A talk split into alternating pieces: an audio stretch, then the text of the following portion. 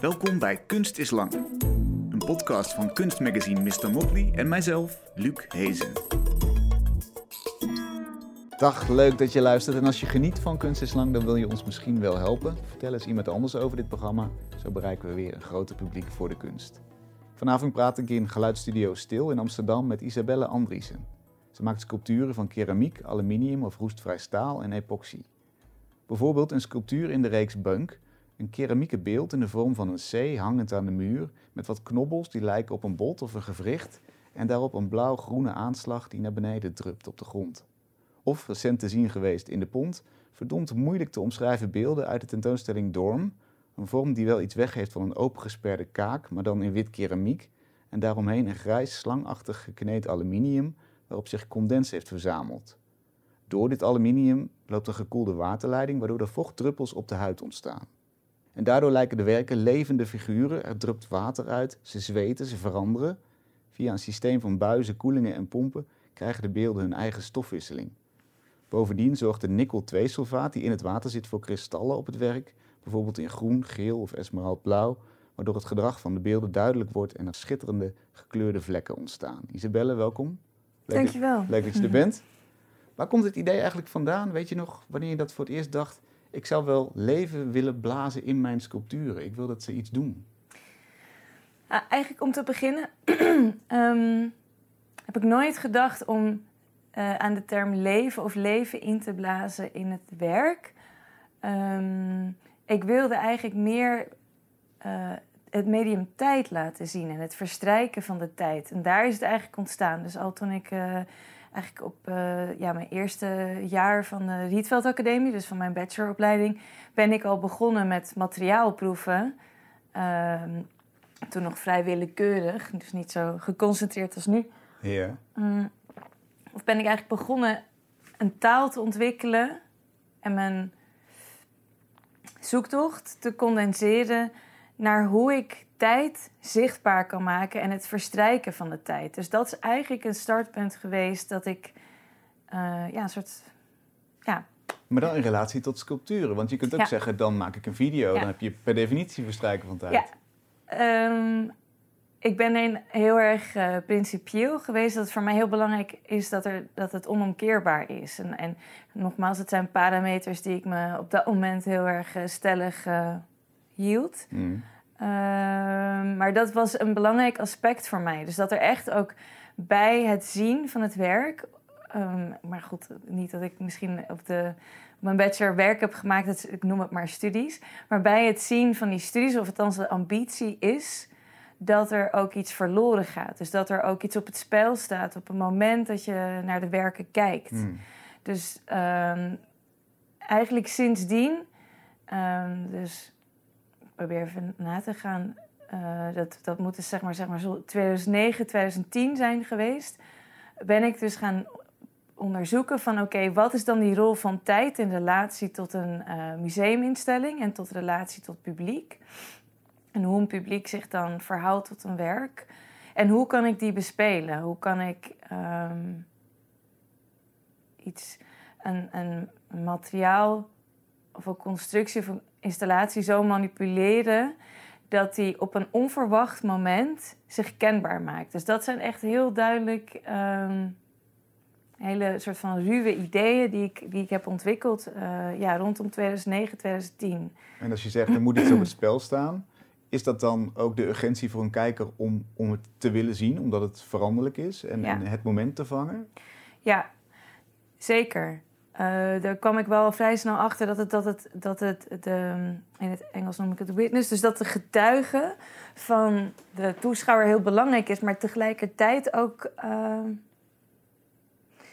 het, het uh, ogenblik dat de concentratie even kwijt is. Dus het ogenblik dat je per ongeluk net het werk uit het vizier bent en dat er dan iets gebeurt. Maar nogmaals, dit zijn, dit zijn hele metaforische ideeën, geweest en ambities geweest die in principe nog steeds uh, voor mij een leidraad zijn, maar niet die je uh, als, een, als een strak kader uh, om het werk heen kan zetten. Dus, dus dat, dat zijn, het zijn uitgangspunten geweest. Het zijn ambities geweest die ik zeg maar, steeds meer ben gaan uitpellen en kristalliseren. En dat betekent dus ook dat je sculptuur in de traditionele zin... Is dat saai? Als, je, als, als er niks, niks gebeurt, niks verandert? wat jou betreft? Ehm, Nee, helemaal niet. Uh, er zijn ook, er nee, niet precies. Ik bedoel, er zijn absoluut heel goede uh, werken te bedenken die, die statisch zijn. Uh, maar ik miste zelf wel. Um, ja, ik, ik, wilde iets toevoegen aan, aan het spectrum van, van de hedendaagse kunst en de kunstgeschiedenis. Wat ik op een bepaalde manier miste. En wat bijvoorbeeld wel zichtbaar is in institutionele kritiek in de jaren 60, 70. Um, maar in een heel, dat was een hele zakelijke, minimalistische vorm waarin die politieke uh, onderwerpen kenbaar werden gemaakt. En um, een hele gestripte vorm. Waar denk je dan aan? Heb je een voorbeeld? Hans Haken bijvoorbeeld, dat is natuurlijk uh, een, een, een, belangrijk voorbeeld. Maar um, ja, ik, ik denk, ja, ik, ik wil, voor mij was het een, een tussenvorm zoeken, of is een tussenvorm zoeken tussen sculptuur en performance heel erg belangrijk. Dus eigenlijk wilde ik gewoon kijken van ja, kan ik een materiaal iets laten doen of kan een object iets uitvoeren mhm. zonder dat daar op dat moment een, um, een menselijk lichaam of een bepaald lichaam aan te pas komt. Laten we het werk mhm. uit Dorm als voorbeeld nemen, wat te zien was in de pont. Ik noemde het al even, ik noemde het een open gesperde kaak, maar mhm. jij kan de vorm waarschijnlijk beter duiden. Hoe omschrijf jij hem? Nou, ik vind het eigenlijk een, een, een, een best interessante benadering.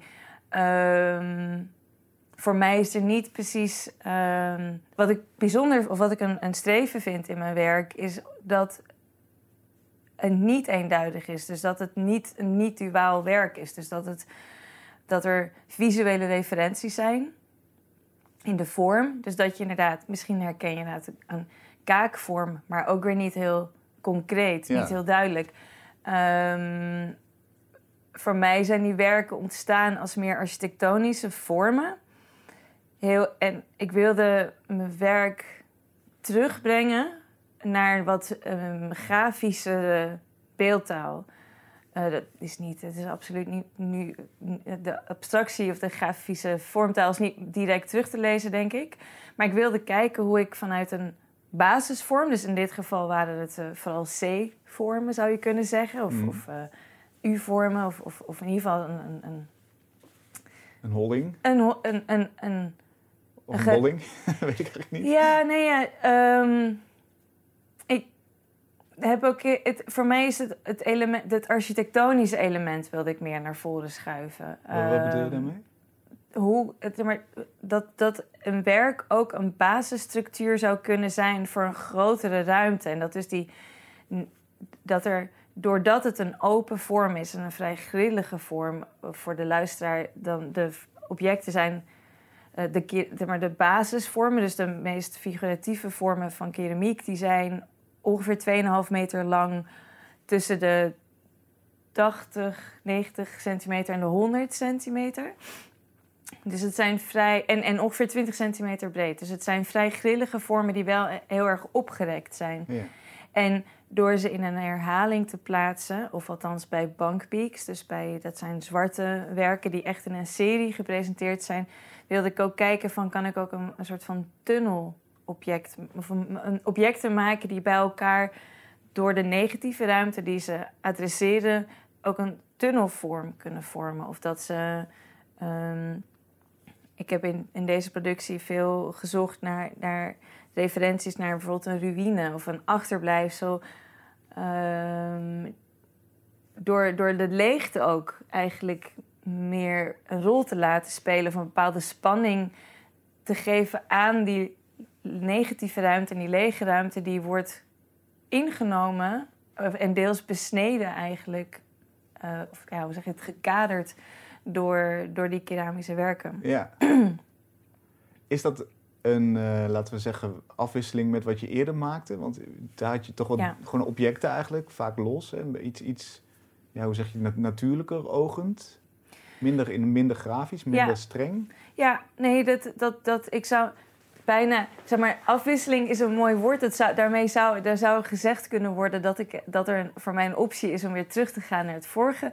Maar voor mij voelt het wel echt als een stap vooruit. Uh, ja, ik zou. Uh, dit is een soort van technische zet en een, en een visuele stap die ik, waar, waar ik eerder technisch nog niet toe in staat was. Of, of, en, en financieel ook niet. Dus, dus, uh, dus, maar dit is wel wel weer een begin of iets wat een begin zou kunnen zijn voor een volgende ontwikkeling werken. Dus ik, ik ben steeds meer geïnteresseerd in die, dus de, de interesse in die architectonische elementen. Dus bijvoorbeeld, ik heb ook veel gekeken naar van die bruggen die gebruikt, of nee, ja, bruggen, ik weet niet, die soort van arken die gebruikt werden in de gotische architectuur. Mhm. Dus heel veel, eigenlijk alle werken hebben uh, indirect ook een referentie naar gotische architectuur en de gotiek.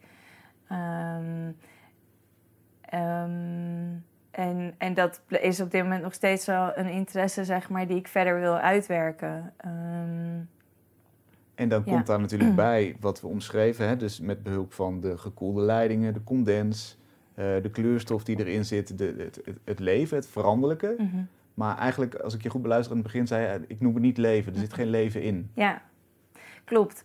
Um, Het is meer, ja, het is, ik, ik, ik, worstel een klein beetje altijd met het Nederlands. Ik wil, uh, zo, als ik het in het Engels zou zeggen, uh, wat ik niet zo netjes vind als het in een Nederlands interview is. Maar I want to animate the inanimate. Mm -hmm. Dus ik wil een beweging brengen. Uh, een soort van vitaliteit en een beweging en een, en een tijdspanne aan, aan statisch materiaal. Yeah. um, en dat voelt uh, toch anders um, dan. Ja, persoonlijk denk ik, vanuit een filosofisch oogpunt zou ik de term leven te beperkt vinden of zo. En wil ik te juist. beperkt? Ja. Ah, dat is ook ik dacht juist te ruim, maar jij zegt te beperkt. Nou, althans, de connotaties die ik direct heb bij leven is biologie, uh, organisch materiaal. Uh, en, en ik probeer eigenlijk iets wat niet levensvatbaar is. Mm -hmm. um, en, en ja, levensvatbaarheid te geven. Maar voor mij uh, zit er in de woord levensvatbaarheid... is het dat het heeft potentie tot. Mm -hmm. Maar het is het niet. Ja, ik ben dan misschien heel uh, precies in... Maar dat, ja, in, in de woordkeuze, maar dit is ook, is ook een, een, ja, een mentaal proces... Uh, wat ik een, ja, een context of een, of een, of een, een, een, een kader wat ik probeer te ontwikkelen voor het werk. Ja. En, en daarin heb ik gemerkt zelf dat ik de term leven en het, dat het, uh, het gaat hem juist om het tegenovergestelde van leven, maar niet de dood. Ja, ik, Um, Word je wel eens... Uh, is het makkelijk om je eigen gedachtensporen na te gaan? Als ik je zo hoor praten, dan denk ik dat je, je hoort jezelf de hele tijd praten en je corrigeert. Ja, uh, klopt. Ik denk dat ik gewoon heel specifiek wil zijn altijd. En blijkbaar, ik denk dat, het, dat, het, dat, dat, ja, dat ik het... De uitwisseling, het, zeg maar, het luisteren naar je eigen gedachten... en die dan weer kritisch uh, uh, te ja, aan te spreken vind ik wel belangrijk of zo. Mm. uh, en ja, denk ik. Ja, daar ga je. Wat, wat zou er gebeuren als je ze wel, uh, misschien om het verschil te markeren, wat zou er gebeuren als je wel zou werken met het idee, ik wil ze leven inblazen? Wat, wat, wat zou er dan... Nou, mijn zou angst zou eigenlijk denk ik zijn dat het dan te letterlijk zou zijn. Mm. En, en, ook, uh, en ook voor mijn gevoel uh, het aan het doel voorbij zou gaan omdat ik, het gaat hem juist voor mij, denk ik, meer om het grimmige. Dat, en het onvoorspelbare en het ongemakkelijke misschien zelfs. Dat hetgeen wat nooit bedoeld is beweging te tonen. Of uh, hetgeen wat nooit bedoeld is om uh, onderhevig te zijn aan vergankelijkheid. Uh, dat die ineens andere karaktereigenschappen krijgt. Dus ik wil eigenlijk, zeg maar, kaders oprekken. Uh, en dat is natuurlijk ook de beperking van mijn werk. Uh, want ik limiteer mezelf ook daarmee. bijvoorbeeld tot het alleen maar het inzetten van synthetische materialen, van chemische processen, van fysische processen, maar expliciet niet van uh, het gebruik maken van biologische processen of organisch materiaal. Dus onder de oppervlakte is het feit dat iets. Wil ik eigenlijk meer in vraag stellen van wanneer noemen we iets levend of niet levend. En, en, en wat is daar juist dat, dat, dat schemergebied ertussen. En voor mij is leven heel expliciet al uh, gekaderd. Ja. ja, dat zit aan de organische kant en, ja. en aan alles wat al inderdaad uh, van zichzelf al zou kunnen leven. Ja, en ik denk, althans, moeilijk om dat over mijn eigen werk te, te zeggen. Maar ik denk dat de kracht er in zou kunnen zitten in het feit dat het het juist niet heeft. Ja. En dat het, die, uh, dat het juist zo beperkt is. En dat het uh, eigenlijk uh, wel, dat het werk wel een streven heeft iets te willen verplaatsen en, en, en um, te animeren. Maar dat het dat nooit succesvol zou kunnen doen of zo ergens. Ja, ja. Ja inderdaad. een levend organisme, dat doet het aan denken, maar is het natuurlijk inderdaad niet als je het ziet. Het heeft iets klinisch door het gebruik van roestvrij staal ook.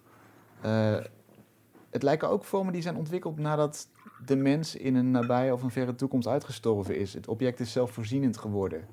Is dat ook een context die in jouw hoofd bestaan of waarin jouw werken spelen? Ja.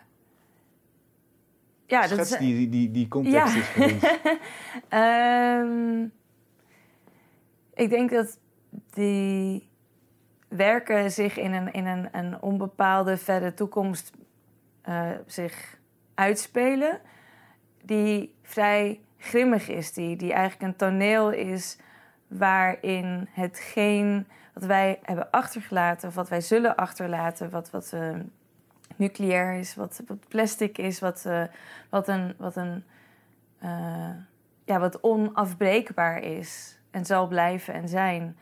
Um, wat zeg maar, ja, in het Engels noem ik dat vaak wat sticky is. Dus iets wat heel viscoos is en wat, wat heel um, het is een hele. Uh, het, het is een hele. Ja, een, vormeloze wereld eigenlijk met afvalresten, met, met plastics, met chemicaliën, met, met elementen die wij. Uh, ja, niets, die we, die wij, die we uh, af. Ja, die, die zeg maar geen functie meer Afgedankt hebben. Zijn. Afgedankt zijn. Maar goed, die, die ook de natuur heeft natuurlijk haar eigen weg om. Uh, maar goed, de vraag natuur vind ik al een problematische. Wat noemen we natuur? Eigenlijk is de natuur al, zoals we die denken te kennen, doordrenkt met onze chemicaliën, met onze hormonen, met de, met de, de chemische stoffen die wij inzetten, dat heb ik net al gezegd, en plastics. Ja. Um, olie. Um, en ik ben benieuwd uh, wat kan daaruit ontstaan? Dus wat, uh, zeg maar, op het, in, in de huidige, binnen de huidige wetenschap lijkt het dat het, het, leven ontstaan is, dus toch nog de term leven, uit chemische, niet levende elementen. Uh -huh. En ik ben persoonlijk geïnteresseerd in hetgeen wat onder ons oog, maar niet uh, in ons blikveld in ons huid terechtkomt, wat er in ons systeem terechtkomt, wat hetgeen uh, wat we eten, wat we. Um, ja, die, die soort van langzaam maar zeker nemen die anorganische materialen steeds meer, zeg maar, terrein nemen ze over. En um, ja, ben, denk ik, daaruit komt ontstaat er in mijn hoofd dat als een heel surrealistisch landschap. Met daarin surrealistische elementen die, die vreemde vormen hebben aangenomen en die, die ongemakkelijk zijn. Uh, maar ook een soort van belichaming van het groteske, van, van, van een hele morbide, een heel morbide voorland. Maar wat, ik wil daar ook een bepaalde schoonheid in vinden. Maar goed, nogmaals, ik gebruik hele mooie termen. Ik denk niet dat dat dat het aan mij is of, of dat ik in staat zou zijn om dat uh, over mijn werk te kunnen zeggen. Maar dat is wel het mentale landschap. Een soort van de worldbuilding. Ik ben in, achter de schermen heel erg veel bezig met worldbuilding. En dat, dat bouwt zich op uit artikelen die ik lees van wetenschappelijke onderzoeken, ehm, een combinatie met science fiction. ehm, en, en dan denk ik ook gewoon een meer intuïtief eh, Mhm. gedeelte. Dus die, die, die vinden elkaar daar in dat landschap en komen langzaam tot vorm in het maakproces. En dan ik- doen we die vormen op in die context in je hoofd. ja, want ik eh, ben, ik kan, ik, ik ga altijd wel, zeker als ik grote tentoonstellingen maak, dan, dan ben ik wel genoodzaakt om echt technisch tekeningen te maken. In de zin dat ik, dat ik uitga van schaal, van vormen. Dus maak ik wel basisvormen bijvoorbeeld die ik uitteken in SketchUp om, om een startpunt te hebben. Is een ontwerpprogramma op de computer. Klopt. Hm? Ehm, maar daar kun je heel weinig detail in aanbrengen, of eigenlijk praktisch niks. Ehm, dus eigenlijk, het uiteindelijke beeld ontstaat niet vanuit een tekening, maar echt puur vanuit. Dat is nog eigenlijk alle objecten worden bij mij direct één op één gemaakt en met de hand. En ik vind het heel belangrijk ergens om iets te maken wat ik niet van tevoren had kunnen uitdenken. Dus dat eh, daarmee ook een bepaalde belangrijkheid heeft, omdat ik het nog niet bedacht heeft. Of omdat het. Een intense handeling wordt het daardoor. In plaats van het uitvoeren van een tekening. Het is meer een. Het is, het, ik- er zit een, een, eh, een soort van directheid in. Doordat ik direct op. Ik, ik kan, eh, als ik boetseer of als ik werk, ik werk direct op hele schaal. Dus ik heb ook meteen een gevoel bij de schaal en bij de vorm en de vormentaal. En ik kan ehm daarin beeld houden en dan beslissen dat ik het toch weer weghaal of dat ik het anders maak. En ik denk dat door. Het is misschien hetzelfde als een schilderij maken. Je reageert op het canvas. Met het een schilderij kan ik me zo voorstellen, kun je alleen in grote lijnen uitzetten. En ehm, ontstaat dan. ontstaat het. En, Ja. en voor mijn gevoel, voor, met mijn beelden is dat hetzelfde. Ik zou Dus eigenlijk heb je een soort, soort mentale ruimte die, die eh, in een toekomst speelt Mhm. en, en fictief is. eh, maar eh, misschien niet helemaal fictief, Ja. want er is genoeg aanleiding om te denken dat we een kant op gaan zoals die. Ja, Maar je, je hebt wel het handwerk, waardoor het natuurlijke, het, het natuurlijke er toch een beetje weer insluipt, denk ik. ja en, en, en natuurlijk, ik werk ook wel aan de hand van bepaalde inspiratie. Dat ik ook soms bij wijze van spreken letterlijk probeer... ehm, oh, hoe zeg je dat? Te boetseren. Uh, Maar ehm, in zo'n combinatie van elementen dat het iets heel erg op zich, hopelijk althans, dat is de zoektocht, dat het iets heel erg op zichzelf staat. Dus ik ben tijdens het maken heel erg op zoek naar een bepaald ongemak. En dat is ook het gevoel dat ik, voor, dat ik eh, in, in de beeldtaal, in de vormtaal, en dat is ook voor mijn gevoel niet iets wat ik van tevoren kan uitdenken, omdat ik het zelf moet zien en. eh, eh, en daarop moet reageren om. om ehm, om het te herkennen. En wat is, dan, Ja. wat is dan een ongemakkelijke vorm? Kun je daar in algemeenheden iets over zeggen? Ehm, Want ik, nu je het zo zegt, ik had het zelf niet als as- associatie bij je werk, maar ik snap het wel. Ja, Het is, Ja. het is misschien net te dun, het is, het is net niet mooi, het is net niet glanzend en toch Ja. is het heel erg aanwezig. ja, ja.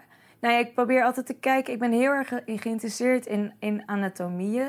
Eh, wijze van spreken anatomieën van insecten, maar ook een anatomie van een motor of een, eh, een functioneel element of een anatomie van een gebouw. En, en, en daar probeer ik dan zelf een soort van eh, een logica in te maken. En, en dat naar me toe te trekken, als het ware. Ehm, en ja, ik probeer heel erg te kijken van wat is de beeldtaal die ik, die, die ik zelf uncanny vind, ongemakkelijk. eh, en die, eh, daar probeer ik niet bovenop te zitten. Want ik denk dat het hem heel erg gaat juist om, die dun, om het soort van balanceren op die dunne lijn. Mhm. Ehm, en het is een soort van pingpongspel. Van aan de ene kant wil ik verwijzen naar bepaalde referenties, maar niet te duidelijk. En, en voor mijn gevoel zit daar het, het autonome aspect van die beelden. En ook, ik ben op zoek naar een beeldtaal die hopelijk, en dat is denk ik een veel langere zoektocht, die, die beklijft. Dus die eh, op een ander niveau, of misschien op verschillende lagen, ehm, blijft hangen. Die, die bepaalde vragen oproept maar niet, niet, ja, niet hele concrete vragen, maar die, die, die niet zo lekker zit, zeg maar. Ik wil een beeld maken wat niet, niet um, hoeft van mij niet gemakkelijk, niet eenvoudig te zijn. Um, je moet niet al een plekje hebben in je hoofd waardoor je denkt, oh ja, het past in dit kamertje en ik loop lekker door. Ja, misschien. Maar goed, dat is dat. Ik denk, ja, ik kan me voorstellen dat heel veel kunstenaars dat nastreven. Maar ja, ik, ik, probeer een soort van um, toegevoegde waarde te vinden van hetgeen. Uh, nee, te vinden. Of, of, of, zeg maar een toegevoegde waarde te laten zijn van hetgeen wat ik maak. Omdat het. Uh, ja, zo'n weg vindt onderhuids in je hoofd, in je referenties. In, maar, maar ik denk dat het langer blijft, bij je blijft. Als je, als je, het, niet als je het niet zo makkelijk kan duiden wat, het, wat, je, wat je ziet. Ja. Denk ik, ja. We hadden het over die context die in je hoofd bestaat. Heeft dit werk nog relatie met wat we nu aan het doen zijn, het dagelijks leven hier en nu? Mm, nou, ja, je zou kunnen zeggen dat het in zekere zin op dit moment absoluut heel veel relatie heeft met het hier en nu. Uh, met de uh, ontzettend uh, aangrijpende gebeurtenissen die er echt op het moment gebeuren. Als, als de, de, de, de, de ja, onvoorstelbare schade die er op dit moment geleden wordt in, in Oekraïne en, en, en de omliggende landen.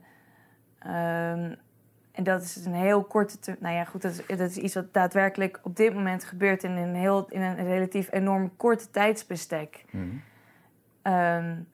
die terror, om het zo maar te noemen. Ik weet nog steeds niet zo goed hoe ik, het, hoe ik er woorden voor kan vinden.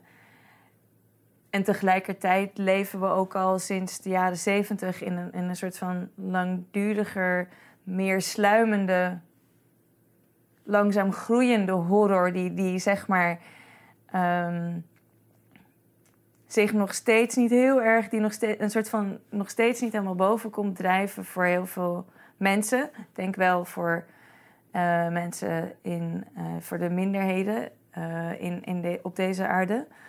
Um, waarmee ik natuurlijk dan aanstuur op, op de enorme ontwikkelingen in klimaatsverandering en, en de gevolgen voor mensen en dieren en, en, en dus alles wat leeft. Plastic soep, ja. Uh, dat, dat soort zaken. Uh, ja, dus het opwarmen van de aarde, bosbranden, um, daarmee een, een, groter tekort aan voedsel, een, een, een, een groter tekort aan leefbare aarde voor mensen en dieren en planten. En, en, als je zegt, jouw werken hebben daar een relatie mee, mm -hmm. is dat dan een waarschuwing voor? Nee, ik denk, ik denk dat, dat, dat um,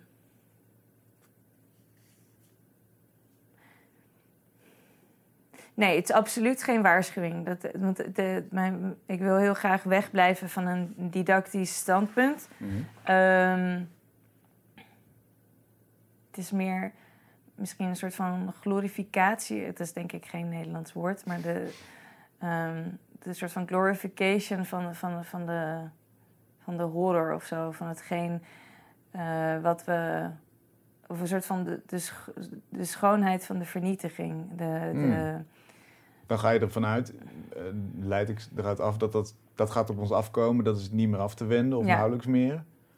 Ik geloof er zelf niet, persoonlijk niet meer in dat we het nog kunnen afwenden. Ja. En dat was helaas gisteren ook naar buiten gekomen in uh, nieuwe statistieken. Die, dat als we binnen nu en tien jaar niet zouden handelen, dat we dan wel ook echt eh, een onomkeerbare uh, scenario ontwikkelen voor onszelf maar goed, de vraag is ook weer. Um, ja, ik, vind het heel moeilijk om me daarover te uiten, omdat, omdat de echte prijs wordt betaald door mensen die het niet uh, verdienen. Ik vind dat, dat degene die, de, de, die, die lijden onder uh, het kapitalisme en, en, en diens gevolgen, zijn vaak niet de mensen die dat zelf gecreëerd hebben. Mm. Dus dat, de sociopolitieke situatie vind ik, dat vind ik lastig om me daarover te uiten. Maar ik denk dat um, mijn werken wel ver voor de, voorbij dat punt plaatsvinden. Ja. En, en, um, en, en verheerlijken dus met wat voor kracht dat gepaard gaat. Als je zegt ehm, glorification. Ja, maar daarmee wil ik niet zeggen dat ik het. Dat ik het uh, dat, nee. nee, nou, ik wil zeggen, daarmee wil ik dus niet zeg maar verheerlijken dat, dat, het, dat, dat, dat, dat die um, vernietiging die op dit moment plaatsvindt, uh, dat ik dat, da, da, daar hou ik me van afzijdig in mijn werk. Um, ik ben geïnteresseerd in, in, in het moment dat die materialen die we achterlaten um, hun, um, hun andere agenda laten zien. Dus dat die, dat die gewoon, ja, uh, dat die hun eigen agency krijgen. Dat zijn een soort van zelfbescherming. Dat die, dat die, die ooit levenloze materialen, die hebben een enorme politieke implicatie. Dus misschien is het, het is niet alleen letterlijk, ik denk ook dat ik gewoon wel geïnteresseerd ben in die, in die politieke implicaties van die materialen die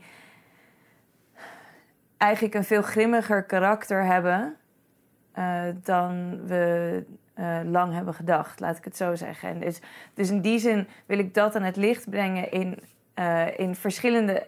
Dus correctie op wat ik eerder zei. In, denk ik dat ik nu die grimmige karakters aan het licht wil brengen. En dat die werken tegelijkertijd in een scenario plaatsvinden in een verre toekomst. Ja. Volg je dat? Sorry, ik zit, ik heb, er zit een soort van. Natuurlijk, er zijn, er zijn verschillende uh, tijdspannen en, en ideologie, of ideologie, ideeën uh, van kracht Mhm. in het werk. Maar wel allemaal um, gevormd in die materialen die een grimmig karakter hebben. En trek je dan een parallel met het ontstaan van het leven op aarde, zeg maar? Dus zoiets zou weer kunnen gebeuren in een verre toekomst? Want toen hadden dus blijkbaar die, die Ja. levenloze deeltjes ook een agenda, om, om even in jouw Ja, termen te blijven. Ehm, het vind ik lastig om te zeggen. Ik, vind- ik, ik, ik denk dat het deel science fiction eh, ook gewoon. ehm, de, ik denk, ik, zou, ik weet niet of het wetenschappelijk eh, realistisch is dat er leven komt uit plastic. Ik denk ook niet dat dat precies is wat ik eh, probeer te zeggen. Ehm, Maar wat is dan de verborgen agenda van die materialen? Ehm, dat ze eigenlijk veel meer grip hebben en veel meer. eh, eh, het is ontzettend dood materiaal. Dus ze hebben eigenlijk veel meer. Een, een, een, een, een ve- veel grotere. eh, ze parasiteren ook ergens, zeg Hmm. maar, op, op, op ons systeem. Omdat ze niet meer weggaan. Ze, ze, blijven, ze blijven achter. En ik denk dat dat hetgeen is wat ik dat, dat, dat we iets maken waar we niet meer van afkomen. Dat vind ik gewoon, die dualiteit vind ik wel fascinerend. ja. Ja, Iets waarvan wij denken dat we de baas zijn, terwijl het eh, Ja. best wel eens andersom Ja. zou kunnen zijn. ja precies. In de pont eh, heette het Dorm. Mhm. Je hebt een tentoonstelling waar die opengespreide kaak, dus zoals ik al, eh, al noemde, in zit. Jij zei ook een soort van tunnelvorm, hè, de, de negatieve ruimte eromheen.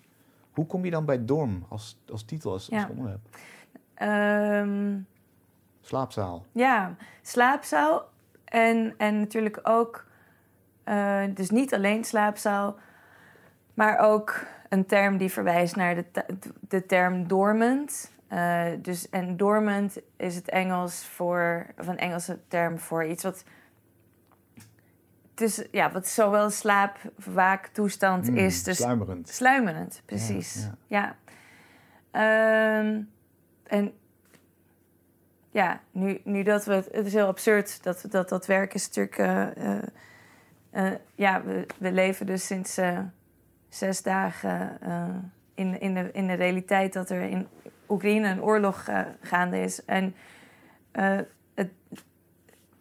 ja, de, de titel kwam wel ergens daaruit voort. Ik was natuurlijk van geen het is raar om het nu nog uit te leggen.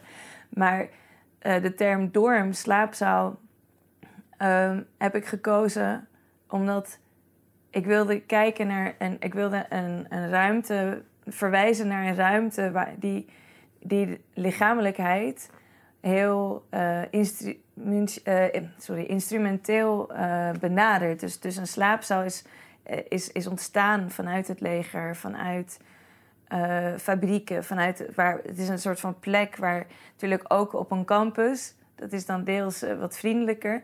Maar eigenlijk eh, is het in, in mijn redenatie een ruimte die, die, is, die een, goed, een goede functie heeft voor het kapitalisme. Hmm. Om zeg maar, het lichaam uit te buiten en, en optimaal zogenaamd in te zetten tot zijn optimale zogenaamde functie, wat dan is. Of ja, het dienen van, van een eh, kapitalisme. En, ehm, en tegelijkertijd wilde ik daarmee ook verwijzen naar, ehm, ja, naar, naar een, een plek waar een collectie lichamen, maar dan echt wel lichamen in, in dus meer in het Engelse vorm, dus bodies, dus, dus vormen, ehm, opgespaard liggen om op te laden, deels. Tegelijkertijd ook die zomaar uit een, een rust ontwaakt kunnen worden. En dus dat idee dat je in een ruimte. voor mij zat er een bepaalde. in mijn voorstelling. in de, ja, een bepaalde poëzie of een ongemak in het. als, als kunstkijker, als, als bezoeker. Eh, Ja, eh, als je in een dorm bent en dan ben je dus bij, ben je in ieder geval bewust. En dan ben je op een plek waar er andere entiteiten zijn die, die op dat moment in een slaap-waaktoestand zijn. En die, ja, ik vind het, er zit, het is mo- moeilijk, vind ik, in taal te vatten. Maar die, die soort van dubbelzinnigheid en die gelaagdheid in de term is voor mij heel belangrijk. Ja, een soort Eh, onderhuidse dreiging die je, ja, die je ervaart als je dat ziet. Ja want, want ik denk dat er in, in die zin eh, zijn er veel meer systemen ehm, om ons heen die, die, die voor mijn gevoel een bepaalde dreiging in zich hebben. Die, die zomaar uit een, een disbalans kunnen raken. Of die zomaar ja, een andere intentie. Maar goed, nogmaals, dat ook weer in het kader van de oorlog is het ontzettend ongemakkelijk om dit te zeggen. Maar die dus dat, ja, dat er bepaalde systemen gaande zijn die zomaar ineens Kunnen een hele andere, ja, Ja. en een hele andere wending nemen dan je. Ja. Als je dit zo allemaal in ogenschouw neemt en in relatie brengt tot je werk en, en je denkwereld over je werk. Wat vind je dan van het idee van de kunstenaar als, als eh, kanarie in de kolenmijn? Zo wordt hij wel eens Hm. genoemd. Hè? Eh, Sensitief voor wat er gebeurt. Kunstenaars zouden eerder oppikken wat er gebeurt Hm. in een samenleving. Sensitief zou ik je zeker willen noemen. Oké. Wat, wat, hoe denk je daarover? Het, eh, grappige, onverwachte vraag. Ik, ik ehm, heb er zelf niet zo bewust over nagedacht. Durf ook moeilijk met alle eerlijkheid te zeggen of dat de kunstenaars van mijn generatie zo per se altijd die kanarie zijn. De vraag is natuurlijk nu ook een het over klein jou beetje. hebben. Over rol. Over mij. Ja, Eh, nou, ik zou dat van mezelf absoluut niet durven zeggen. Eh, dat, vind ik, dat, dat, dat vind ik heel moeilijk om over mezelf eh, te zeggen. Ik, ik ben me er heel erg van bewust dat ik een witte kunstenaar ben die in een bepaalde welvaartsstaat is opgegroeid. Ehm, en ik heb wel, denk ik, van huis uit echt wel bepaalde bewustzijn, eh, bepaald bewustzijn over mijn omgeving en mijn voorland, of hoe zeg je dat, de toekomst meegekregen.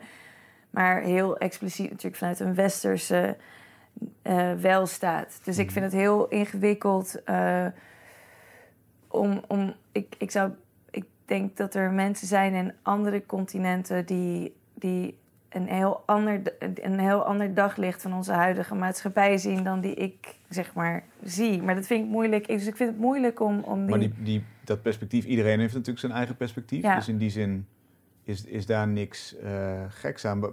Waar ik benieuwd naar ben is, wil je, eh, heb, je het, heb je het gevoel dat de wereld moet binnencijpelen in, in jouw werk? Of, of is dat nodig om werk te maken? Welke wereld? De, de buitenwereld, bijvoorbeeld een oorlog in Oekraïne, bijvoorbeeld eh, klimaatverandering. Dat, dat al, al die dingen Ja. samen bouwen op tot een soort dystopisch eh, beeld natuurlijk. deels. Ja, maar ik, ik, ik, nou ja, maar dat is, de, ik denk niet, het zou geen recht doen, denk ik, aan mijn werk om te denken van dat, eh, dat de, bijvoorbeeld de huidige oorlog in Oekraïne een direct gevolg heeft die, zeg maar, wij spreken morgen aanwijsbaar is in mijn werk. Nee, het is, Ehm, veel, het is veel, veel subtieler. Ja, en ik denk, het is ook, het gaat, ik, ik denk ehm, dat het ook in. Ja, dat ik gewoon wel, je zou wel kunnen zeggen inderdaad dat ik, dat ik door mijn ouders op een bepaalde manier ben opgevoed. Dat ik me heel erg bewust ben door,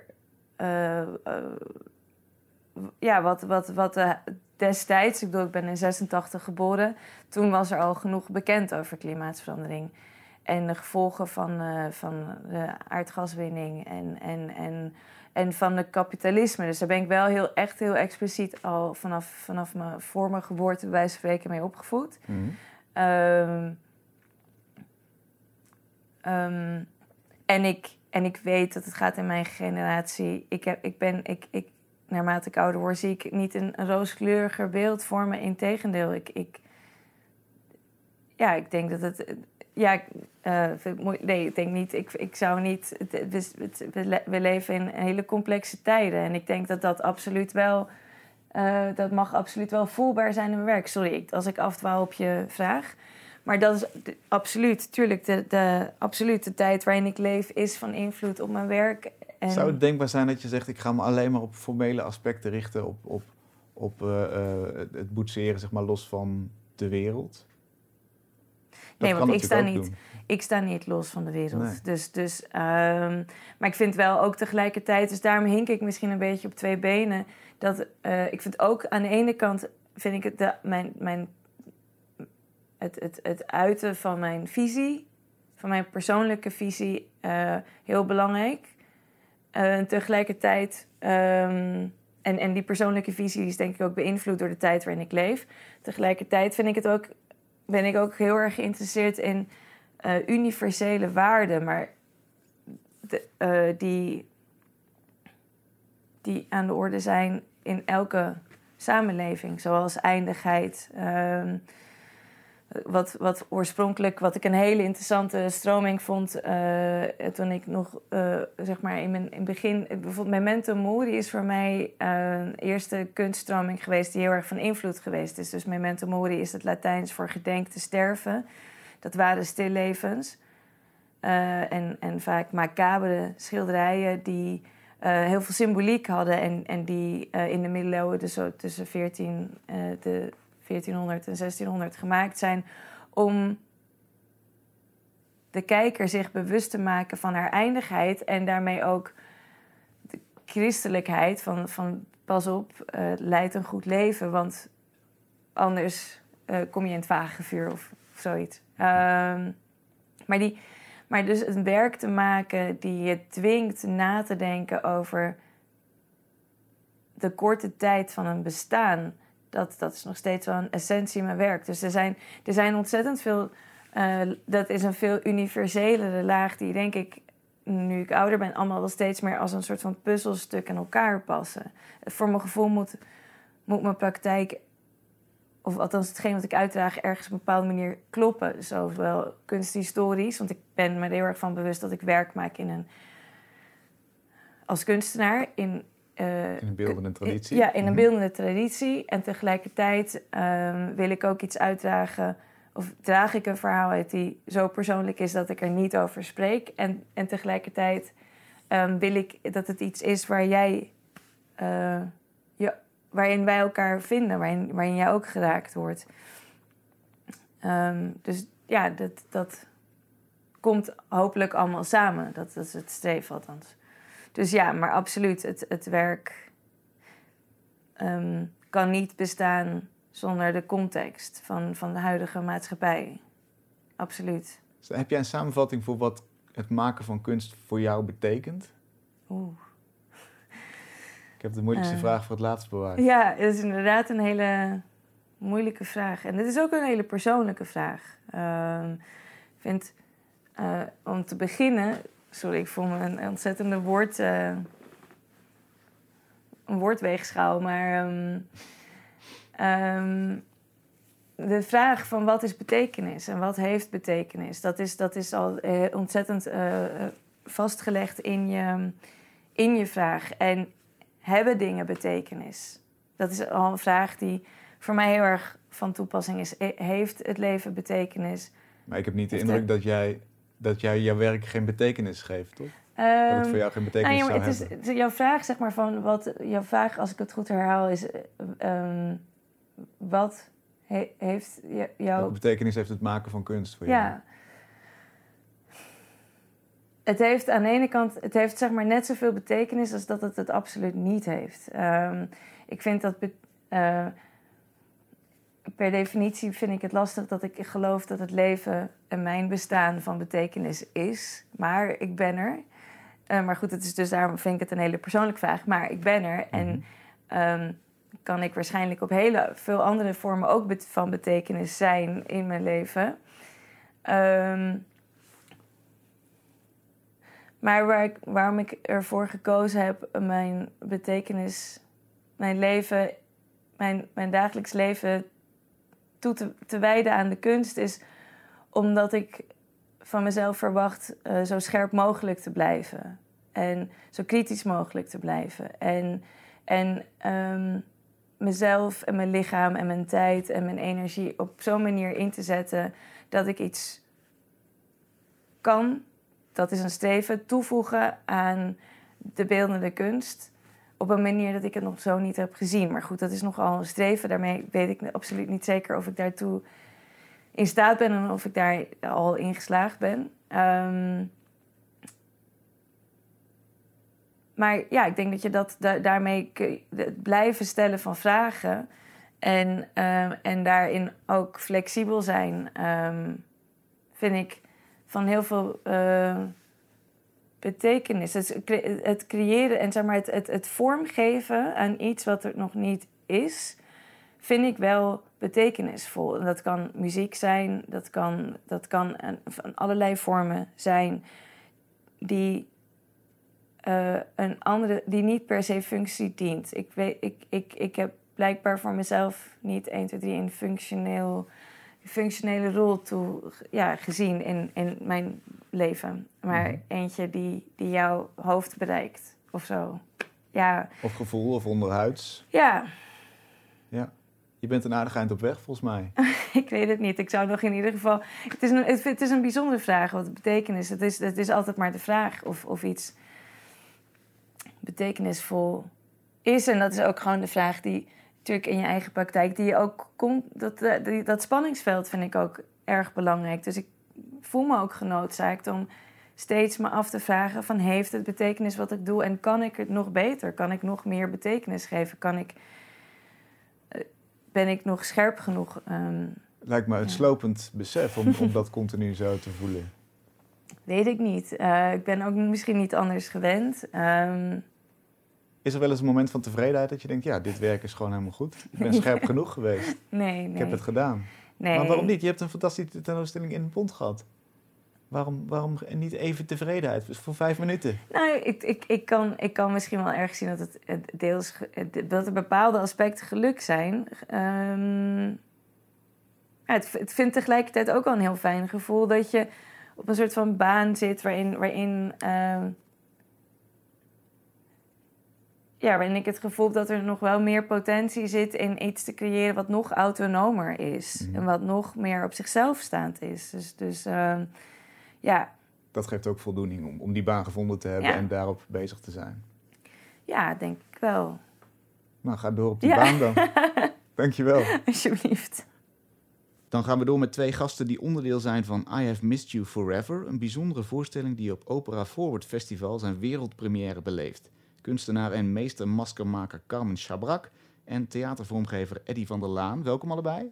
Dank je. Voor zover het kan, want het is een ingewikkelde voorstelling. Wat gaan we zien? Een uh, hele diverse groep aan uh, castleden, uh, muziek, maskers en dat allemaal in een hele bijzondere setting. Kun je daar iets meer over vertellen, bijzondere setting? Ja, dan moet ik meteen naar jou, hè? Ja, ik denk dat I Have Missed You Forever is een voorstelling waarbij we ehm, een werkwijze hebben gepoogd om als een collectief om een thema heen eigenlijk muziektheaterstuk te maken. Dus dat betekent dat het resultaat daarvan, dat is eigenlijk zo divers als uh, de groep is, maar ook als het onderwerp. En het onderwerp gaat heel erg over ehm, een plek creëren waar er ruimte is voor verloren gewaande verhalen, voor personages die in de geschiedenis wellicht niet zoveel plek hebben gehad, of om wat voor reden ook uh, door vervolging of dergelijke um, uh, uit de geschiedenis geschreven zijn. Mhm. En ik denk dat, dat, eh, dat we daar verschillende instrumenten voor gebruiken. En de maskers die Carmen net eigenlijk al zo'n beetje noemde, dat is daar een instrument voor. En qua werkwijze hebben we eigenlijk, leunen we heel erg op het, op het collectief. Dus de samenstelling van de spelersgroep is heel divers. Niet alleen van hun persoonlijke verhalen, maar ook qua disciplines. En die brengen eigenlijk continu op de vloer materiaal. En dan moet je echt voorstellen van dansers tot klassiek geschoolde operazangers, tot en met uh, um, muzikanten uh, en die acteurs en uh, componisten. Performers, performancekunstenaars. Ja. Dus alle mogelijke kunstvormen. En de setting is die van een begrafenis, geloof ik, hè? Ja, van een begrafenis of een ceremonie rond de dood, -huh. maar ook rond de viering van het leven wellicht. Uh, of, de of voor degene die is overleden en over wie het gaat. Dus wat Eddie al zei van uh, allerlei verhalen die de geschiedenis niet heeft opgeschreven eigenlijk. Dus allemaal mensen uh, waarvan we wel weten dat ze zijn gestorven in de geschiedenis, maar waarvan het verhaal nooit is verteld. En dat, is, ja, dat zijn zoveel, eigenlijk de outcast de verhalen van de mensen die we niet belangrijk genoeg vonden in de geschiedenis. Die komen nu ten tonele. Ja. En de mensen die hebben meegeschreven aan dit stuk, zijn, dat, zijn het hun verhalen? Zijn ze de geschiedenis ingedoken en hebben ze gezocht naar mensen die onderbelicht zijn? Hoe, hoe ging dat? Dat is ook uh, heel divers, want er zijn, uh, daar hebben er vijf schrijvers aan geschreven. Uh, en sommige zijn persoonlijke verhalen, voorouderverhalen, dus van hun eigen voorouders of van voorouders van anderen. Um... En eigenlijk zou je kunnen zeggen dat um, zowel voor de muziek als voor de tekst hebben we het meer over een soort curatorschap met elkaar gehad. Dus betekent dat uh, de, de, regisseur allereerst van dit stuk, als je een klassieke woord van het wo uh, zin van het woord zou willen praten, dat is Lysenka Heijboer, Castanjos. En Manoy Kams is de dirigent. Maar Manoy staat als dirigent ook als speler in de groep, op toneel ook. En de compositie is eigenlijk ook als zodanig gemaakt dat er niet klassiek gedirigeerd hoeft te worden. Voor de tekst zou je kunnen zeggen dat. Nee, voor de muziek is eigenlijk Piet Harden de curator eigenlijk van het ensemble, maar ook van hoe de verschillende componisten het materiaal wat ze aangedragen hebben bij elkaar krijgen en vormgeven op het toneel. En datzelfde doen we eigenlijk met de tekst. Dus je zou kunnen zeggen dat Sarah Sluimer een soort overkoepelend curatorschap heeft op de tekst. Mm -hmm. Maar met haar meeschrijven Alma Matthijssen, Romane Vrede en Olivier Willemsen en Esther Mugabi. Dus dat is eigenlijk een hele ruime groep die vanuit heel veel verschillende verhalen van de cast ook hebben geschreven en van zichzelf. En dat is overkoepelend bij elkaar gebracht als een storyline. Uh, uh, en dat, daar werken we eigenlijk elke dag aan met elkaar. En hoe maak je daar nou een decor voor? Wat voor vormgeving hoort daarbij? hoe doe je dat? Nou, ik denk dat, dat toen ik gevraagd werd voor dit project, toen was één ding was al best wel duidelijk. En dan was dat zowel de regisseur uh, en de uh, dirigent Manoy en Lysenka het idee hadden dat een ceremoniële plek heel belangrijk was. Mm. We spelen deze voorstelling in ITA, dus voor het Opera Forward Festival, wat je al zei. En dat betekent dat zij al heel vroeg het idee hadden, kunnen we iets doen met een soort gewijde plek? Dus dat we bijvoorbeeld de stoelen weghalen. Nou, op dat idee zijn we verder gegaan. Maar heel belangrijk was vooral ook dat we een werkwijze vonden die aansloot aan het ruimte bieden voor deze verhalen door ze te schrijven met elkaar op de vloer. Dus we hebben via twee workshopperiodes hebben speloefeningen gedaan, materialen verzameld en gemaakt. En van daaruit kwam dus een decoridee, in plaats van dat je regisseert in een decor. Dus decor is echt voortgekomen uit kunnen een rituele-achtige plek maken, waarin maskers als instrument worden gebruikt om verhalen op te diepen en via reenactment, zeg maar, verhalen en overledenen dicht bij het publiek te brengen. Ja, om in verschillende dimensies te komen. Want Ja. met een masker word je de ander of otherness. Je kan er eigenlijk alles mee worden. Een andere entiteit, een voorouder, maar ook een hond of de dood. Een archetype. Ehm, maar om even nog over op die ruimte terug te komen. Dus eigenlijk heb je van, of hebben we van... ehm, is het een soort van locatietheater Ja. slash een ontwerp? Want ITA, de, de, de oude grote zaal van de Schouwburg, is onderdeel van het decor geworden in het ontwerp van Eddie. Dus eh, in plaats van waar de stoelen normaal staan, waar de rode pluche stoeltjes staan, die zijn eruit en daar is de vloer gekomen. Dus je zit als publiek in een arena om de vloer heen, waardoor je een hele intieme een hele andere sfeer krijgt dan wanneer je naar het podium kijkt. Je wordt bijna als publiek, nee niet bijna, je wordt onderdeel en Van- eh, actieve getuige van wat zich daar plaatsvindt. Want je kijkt ook naar elkaar. Ja, dus er is helemaal niks conventioneels aan deze voorstelling. Nee, maar zelfs niet Dat aan deze podcast. Want zo zie je weer dat de kostuumontwerper eigenlijk veel beter kan vertellen wat de dramaturgie was achter het decor. Leg jij even Maar uit dit- hoe het met nee, die maskers dit- ja, Nee, dat is het mooie. Zo collectief is het. Ja. En zo, zo diep zit het natuurlijk ook op elkaars eh, te- terrein te werken. En eh, ik denk dat het voor het publiek een, vooral een geweldige ervaring gaat zijn. Je komt binnen in een, voor je gevoel, een totaal lege schouwburg. De volledige parterre is een soort heilige plek geworden. En die er ook altijd al lijkt te zijn geweest. Dus het is erg een locatieontwerp die je op een hele natuurlijke manier, hoop ik, voor het publiek communiceert. En waarbij je een soort circus arena gevoel hebt. Dus op de tribune, op de bühne staat een tribune. Hm? Dus waar normaal natuurlijk de acteurs eh, staan of de zangers. En eh, zo wordt het, de hele speelplek omsloten. En als metafoor eigenlijk, als venster voor het zoeken naar die verhalen... hebben we eigenlijk bedacht dat het, ehm, wat je natuurlijk ziet door ges- geschiedenis heen... is dat mensen geheimen verstoppen onder de vloer. En of dat nou een dagboek is, zoals we kennen vanuit oorlogen en overleveringen... of dat het instrumenten zijn die je begraven hebt, zeg maar. Dat was eigenlijk een thematiek die we belangrijk vonden Hm. in een, in een scenografie. Dus de vloer die we daar hebben ge- gecreëerd, die leent zich eigenlijk eh, als een vloer om open te trekken. Daar komen we eigenlijk bij de aarde. Dus dat is ook het aardse, wat letterlijk als materiaal in de scenografie zit. En daaruit komen eigenlijk reliquieën die ons helpen die verhalen te vertellen en een stem te geven aan die personages. En daar ontstaat, dat is een beetje een spoiler natuurlijk, dan ontstaat er een steeds grotere ja, soort zinkgat. En hoe dat verder afloopt, dan moeten we natuurlijk vooral allemaal komen kijken. ja, precies. Say no more. Say no maskers wil ik nog wel iets over horen. Wat gaan we daarvan zien? Nou, er zitten heel veel maskers in het stuk, wel 40. Ehm, en dat is eigenlijk de manier om te transformeren voor de castleden. Ehm, op een bepaalde manier zit heel erg transparantie in, als in er zijn, de karakters staan niet vast. Castleden zijn soms bijna zichzelf, of wellicht helemaal.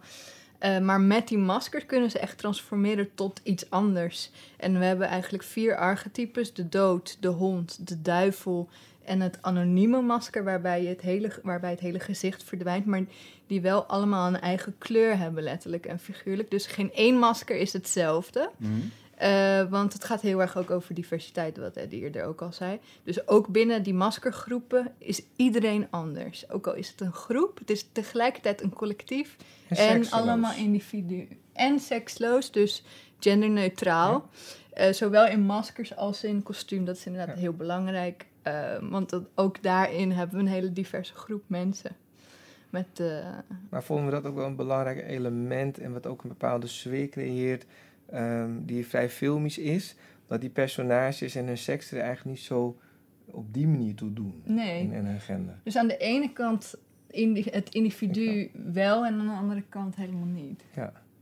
Ik denk als laatste, wat, wat ik heel interessant aan vind en ook leuk dat het vanuit deze kant belicht wordt. ehm, ehm, we zitten in de wereld veel te veel in hokjes te denken, ook in kunstdisciplines. En hier wordt daar heel erg, worden echt grenzen doorbroken.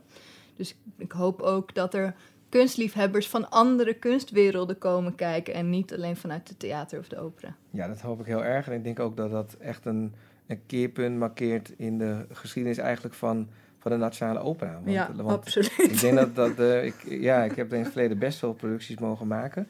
Maar wat echt vernieuwend aan is, is dat je eigenlijk een hele traditionele werkwijze voor theater Hm? en voor performatieve kunst toepast op een vrij, ja, best wel taai en moeizame eh, eh, eh, geplande structuur als opera. Hm. Opera is gewoon een heel gedisciplineerde wereld en product.